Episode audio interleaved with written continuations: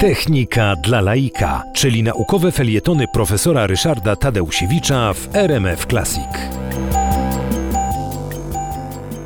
Przemiany, którym podlegają drzewa, przy okazji także i cała przyroda w jesienne dni obserwujemy, ale nie zawsze rozumiemy, jak bardzo złożone procesy są tłem dla tego, co obserwujemy chociażby w trakcie spaceru. No, spadły liście, szumią nam pod nogami, są złociste. Nie wiemy właściwie, czemu to się stało.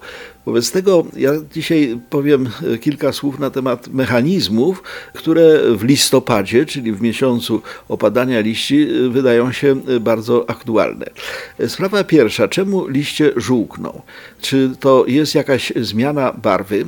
Otóż okazuje się, że to nie jest tak, że liście, które normalnie są zielone, stają się żółte, tylko jest tak, że liście, które są normalnie żółte, przestają być zielone, bo przestaje drzewo zasilać zasilać je chlorofilem, czyli taką substancją, która zamienia światło słoneczne na różne energetyczne substancje z cukrem włącznie.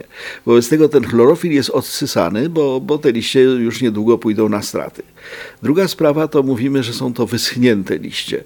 Otóż liście, które spadły z drzew, nie wyschły na zasadzie podobnej jak wysycha nam pranie na przykład na sznurku, tylko znowuż drzewa, wiedząc o tym, że tych liści się pozbędą, odessały z tych liści wodę i zgromadziły tą wodę, która będzie najcenniejszym skarbem zimą, kiedy wody bezpośrednio pozyskać z gleby nie można.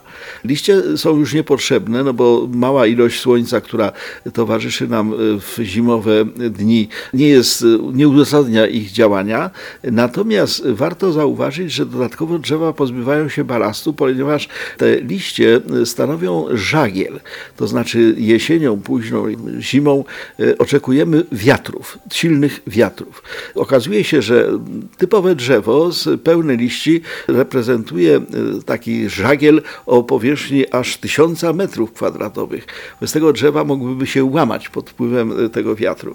Czyli innymi słowy żółkną, bo z natury są żółte, po prostu przestają być zasilane, żeby być zielone, wysychają, ponieważ woda jest odzyskiwana, no i wreszcie no, właśnie zostają zrzucone. A jak zostają zrzucone?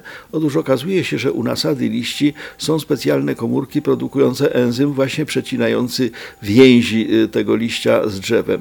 Wobec tego w momencie, kiedy te enzymy zaczynają działać, wystarczy najdrobniejszy powiew wiatru, no i liście spadają.